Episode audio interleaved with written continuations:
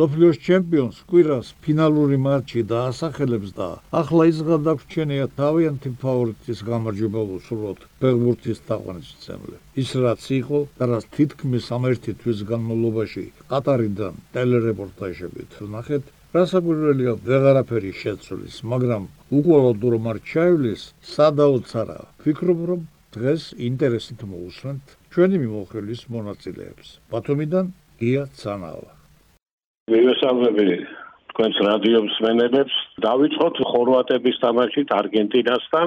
ფიქრობდი რომ ხორვატიის შუა ხაზი უფრო ძლიერად, უფრო სტაბილურად გამოიყურებოდა, რა თქმა უნდა, მოდრიჩის ხელმძღვანელობით, მაგრამ არაფრის თქმა დაბეჯითებით არ შეიძლება მაშინ, როცა მინდორზე გინდა კლუბურ შეხვედრაში და გინდა სანაკრებოში არის მესი. მესი არის მოვლენა, რომელმაც კიდევ ერთხელ აჩვენა მსოფლიოს ვინ არის დღეს სოფლიო ფეხბურთში ლიდერი და ვის შეუძლია ოსტატობის ხარჯზე სანაკრებო დონეზე საკლუბოზე აღარაფერს ვამბობ თამაშის ბედის გადაწყვეტა და ზუსტად ასეც მოხდა. ისეთ შეგრძნება მეუფლება პირადად მე რომ ვისაც ხავს მესი ის გუნდი აუცილებლად იგებს. რატომღაც მე ასე მგონია და მესი მეს არაერთხელ დაამტკიცა პრინციპი რატომ მგონია თუნდაც არ მგონია და ვფიქრობ რომ ამ გამარჯვებაში ხორვატების წინააღმდეგ მესის რა თქმა უნდა ლომის სიდეა რა თქმა უნდა გოლის მერე თამაში სხვანაირად წარიმართა მეორე გოლის მერე უკვე სულ სხვანაირად და ნუ მესამე გოლმა ხო დააგვირგვინა თამაში და არგენტინა ფინალშია. მეორე არანაკლებ დაძაბული და საინტერესო შეხვედრა ფრანგებსა და მაროკოს შორის სოფლიო ჩემპიონატი არის ტურნირი ტურნირზე შეიძლება გაგიმართლოს ერთხელ მაგრამ ორჯერ, სამჯერ, ოთხჯერ ამდენი გამარჯვება ზოგიერთ ჩემპიონატზე თუ ფეხბურთის თამაში ცუდად იცი, ნამდვილად გამორიცხულია.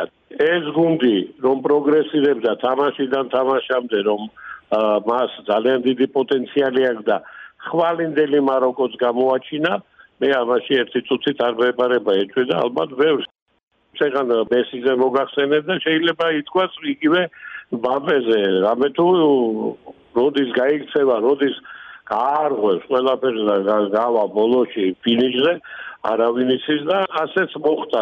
აქაც ინდივიდუალური ოსტატობის ხარჯზე, თუმცა ფრანგები შეკრული გუნდია, მაინც ბაბე ლიდერია და მან თავისი სათქმელი თქვა და თავისი გასაკეთებელი გააკეთა.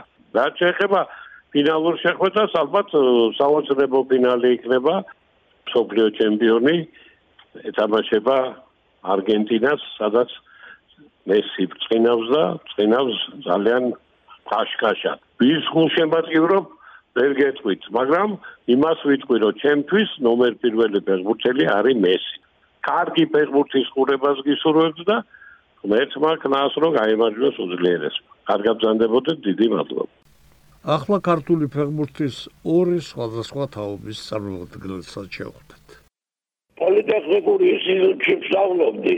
სეზონის დაწყების წინ მივიტანე 6 აბონემენტი გამიგე დეკანთან. დეკანი მეუნება სწავლას ჩვენ ვიმხედავთ, შენ ფეხბურთს მიხედე. აი ამ გვარი ეპიზოდების მოგონებით იწყება ხოლმე ზოგჯერ საუბარი ბურთას ხორცილავასთან, როცა სახელოვანი ფეხბურთელი თავისი შტამბეშტავი კარიერის იმ პერიოდს იხსენებს, როცა საქართველოში პრობლემა იყო დინამოს სტადიონის ბილეთის მოპოვება. ორი დღის წინ კი ჩვენი სატელეფონო საუბარი ყატარის ამბებზე ძალიან მალე დასრულდა. პირადად ჩემთვის ეხლა ხვები არ ვიცი. არ არის საინტერესო როგორიც ადრე იყო, ნუ საინტერესო ეხლა სხვა ჩემპიონატები რო იყო ეხლა უფრო საინტერესო იყო საინტერესო ფეხბურთელები იყვნენ. რა ქნა ასე იყო და რა უყო მე ცხოვპირო არ ორჯერ და მინახია კიდევაც თამაშები და ბევრი სინამდვილეც მითამაშია მაგრამ მე მგონი ისეთი ფეხბურთელები არ არიან ეხლა. ნუ ეხლა იმ როგორიც ადრე იყვნენ ეს ჩემი შეხედულებაა ეხლა. თამაშის ხარისხზე ლაპარაკი. მე რაც გუნდები ნახე და თამაშები ყველაზე კაი გუნდი მე მგონი ფრანგებს აკავს კაი შემადგენლობა. სხვათან შედარებით. ი არგენტინას. ნუ ეხლა ეს მესი არის ძალიან დიდი ძალა გემოვნებაზე აღარ გამართობენ უკვე ზოგს ის მოწოლ ზოგს ეს მოწოლ და მე მომწოლ ფრანგების გუნდი მე მგონი ყველაზე კაი შემადგენლობა ყავს მაგათ ხუჩაბაცოვე საუბრა თბილისის და საქართველოს ნაკრების 90-იანი და მომდევნო პერიოდის გამორჩეულ მოთამაშეს გოჩა ჯამარაულს და ახლა ამ ინტერვიუს ფრაგმენტების მოსმენას გთავაზობთ. გამარჯობა, მივესალმები თქვენ რადიო მსმენელს. სოფლიო ჩემპიონატი საერთოდ ყოველთვის საინტერესოა. ჩრდილავს ყველანაირ ჩემპიონატს. რაც შეეხება ახლა გამორჩეულ თამაშს, ჩემთვის იყო არგენტინა, ჰოლანდია. რომელიც მართლა ისტორიაში შევადა იყო დაუვიწყარი გერმანელები თავის თამაშით ვერ გამოუჩეოდა და ძალიან სუსტად ჩაატარეს ესპანეთს რაც შეეხება გააგზელეს ისევ თავის თამაში მოკლედ ეს ბურთის დაჭერა და არა შეტევა და მაგაზე დაისაჯნენ პორტუგალია მე ვფიქრობ მაინც ფეხბურთს აქვს თავის წესები და როგორიც არის ესეთი ვარსკვლავი რონალდო რომ ესე მოექცევი დაიჯები და ბრაზილია რა თქმა უნდა შემეცოდა.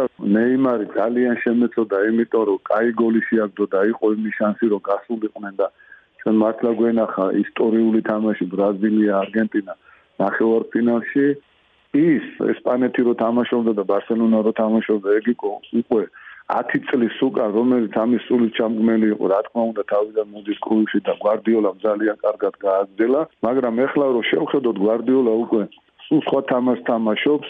ამან მოკლედ მოჭამა რა თავის დრო ქონდა უკვე და ეს აღარ არის ზურთის დარება და იმდროინდელი რა თქმა უნდა ბურთის დაჭერა ნიშნავდა იმას, რომ შედეგი ქონდათ მერე ხო და გავიხსენებ ხორვატია არგენტინის თამაშს, რომელიც არგენტინელებმა ტაქტიკურად აჯობეს ძალიან მაგრად, იმიტომ რომ ბურთი მიცეს შუაში აგორავებდნენ და ეგონათ რომ ჩვენ ესე ბოლომდე ვითამაშებთ და 3-0 მოუგეს. კონტრშეტევებზე დაიჭირეს და შედეგიც დადეს. ეს ტენდენცია როგორც თქვენ თქვით გადადის მეორე პლანზე. როგორ ფიქრობთ? პირველი თამაში კანადამ, ახლა ზუსტად არ მახსოვს ვისთან ითამაშა, 1-0 წააგო. კანადის თამაშზე ვისი ამუნე ძალიან მაგრად. მიუხედავად იმისა, რომ 1-0 წააგო, 90 წუთი უტევდა. პორტუგალიამ რომ მოუგო შვეიცარიელს საოცარი თამაში იყო და მე ვფიქრობ რომ ესეთი თამაშები მოვა უკვე თუ ესეთი თამაში არ მოვა მაყურებელიც არ ეყოლება და შედეგსაც ვერ დადებენ უმრავ თქვენ როგორც ყოფილ ნახევარმცველს როგორ გესახებათ ნახევარმცველების თამაში და საერთოდ ნახევარდაცვის ფუნქცია მოკლედ ახლა ნახევარდაცვაში ძალიან გართულდა თამაში იმიტომ ახლა ფლანგის ფეხბურთელები უფრო მეც იღებენ თავის თავზე ფლანგიდან უფრო ადვილია დრიბლინგი ვიდრე შუიდან, იმიტომ რომ შუაში ტაქტიკურად შევიწროებულია და ძალიან თულია. ნახევარ დაცვიდან დრიბლინგი გააკეთა. ნახევარ დამცველს რო ახლა აპესნაირი და კვარაცხელიასნაირი თქვა და ერთი ფლანგი გეყოლება, ნახევარ დამცველსაც რა თქმა უნდა გაუადვილდება თამაში. ჯერჯერობით საუკეთესო ფეხბურთელად ვინ მიგაჩნიათ? ნუ წინ ფინალია და ფინალი ბერამეს სკვითა საერთო შტაბეშტილება იცვლება ფინალის შემდეგ და შემდეგ რა თქმა როგორ გონიათ ჩემთვის ნუ რა თქმა უნდა არის მესი განაიმტო რომ მესია ძალიან კარგად ჩაატარა ეს ჩემპიონატი და თავისი ძალების გადანაწილები, თავისი ლიდერობი, ორი ფსიქოლოგიური რაღაცა გამოიარეს. პირველი თამაშის წაგება და მე ჰოლანდიასთან 2-2-0 რო კიდე ესე პენლებამდე მივიდნენ და პენლებში მოიგეს რა. მესი არის ნუ არის ახლა უდიდესი ფეხბურთელი და მესი მსოფლიო ჩემპიონი რა გახდება ახლა შედარება ხდება მარადონა მესი ახლა ჩემთვის მარადონა მარადონა მესი რო სულ და სამჯერ გახდეს მაგას ჩემთვის მნიშვნელობა არა ჩემთვის მარადონა და მესი იქნება საუკეთესო ფეხბურთელი და მე ვფიქრობ რომ არგენტინა გახდება მსოფლიო ჩემპიონი იმიტომ რომ ძალიან უნდა ამას თვითონ მესის და ამ გუნდს უნდა ძალიან მოგება და ჩემთვის ნუ ახლა რა თქმა უნდა საუკეთესო ფეხბურთელი არის მესი ყველაფერი ხდება ფეხბურთში და თუ ანგემა მოიგეს, ну, ფაპე გახდება ალბათ საუკეთესო ფეხბურთელი. მე მინდა ვისარგებლო ასეთი მშვენიერი მომენტი თუ გილავარაკოთ სოფიო პირველობაზე, მაგრამ ქართულ ფეხბურთზე და ძორი სიტყვა მინდა თქვათ. კარგია რომ გამოჩნდა უჩა კვარაცხელია, რომელიც იმედები ჩაგვისახა ჩვენ ბავშვებს საყურებლათაც რა თქმა უნდა არგია რომ უყურებ თამაშობ სერიაში, სხვათა შორის მე ვიყავი ნაპოლში, ჩემი მეუღლე და შვილი მყავდა ჩაყვანილი. უყვარ ძალიან კვარაცხელი, ჩავიყვანე იმის თამაშზე. ანუ აი ესეთ ჩვენ ქართულ კაც ესე პატივსემენ უყვარ და ანუ კაი ფეხბურთელია და ხიჩა მოკლედ ძალიან დიდი იმედები ჩაგვისახა, როგორც ჩვენ ისე მომავალ თაობას და იმედია რომ ფიჩასნაირები გაიზრდებიან წინაპლანზე გამოა დროული პასი. რა თქმა უნდა, რა თქმა უნდა, რა თქმა უნდა. სამაგალითო იყო ტაქტიკურად მოკლედ არგენტინამ ხორვატებს როგორ აჯობა რედითი იცი რომ შუა მოედანი დაუთმო და ყველას ეგონა რომ ხორვატები რას თამაშობენ. მაროკომ ძალიან მომეწონა ესეთი შემტევი ფეხბურთი ხო ხუში რო ითამაშა უბრალოდ გადარჩნენ ახლა ფრანგები თორე ფეხბურთის სპორტული ბედი იყო ფრანგების მხარეს არაფერს გეკითხებით ახლა პროგნოზზე როგორ იქნება ფინალი მაგრამ ასეთი შეკითხვა მინდა დაგისვათ. რომელი გუნდის გამარჯვება უფრო გაგახარებდათ? საფრანგეთის ნაკრების? არგენტინის არგენტინის არგენტინის არგენტინის გულშემატკივარი ვარ და არგენტინის გამახარებს ძალიან.